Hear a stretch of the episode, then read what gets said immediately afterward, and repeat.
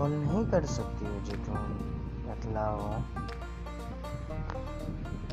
इससे तुम जैसे मैसेज करती हो, इधर से हमारे पास मैसेज करने वाला ऑफ़र ही नहीं आता है।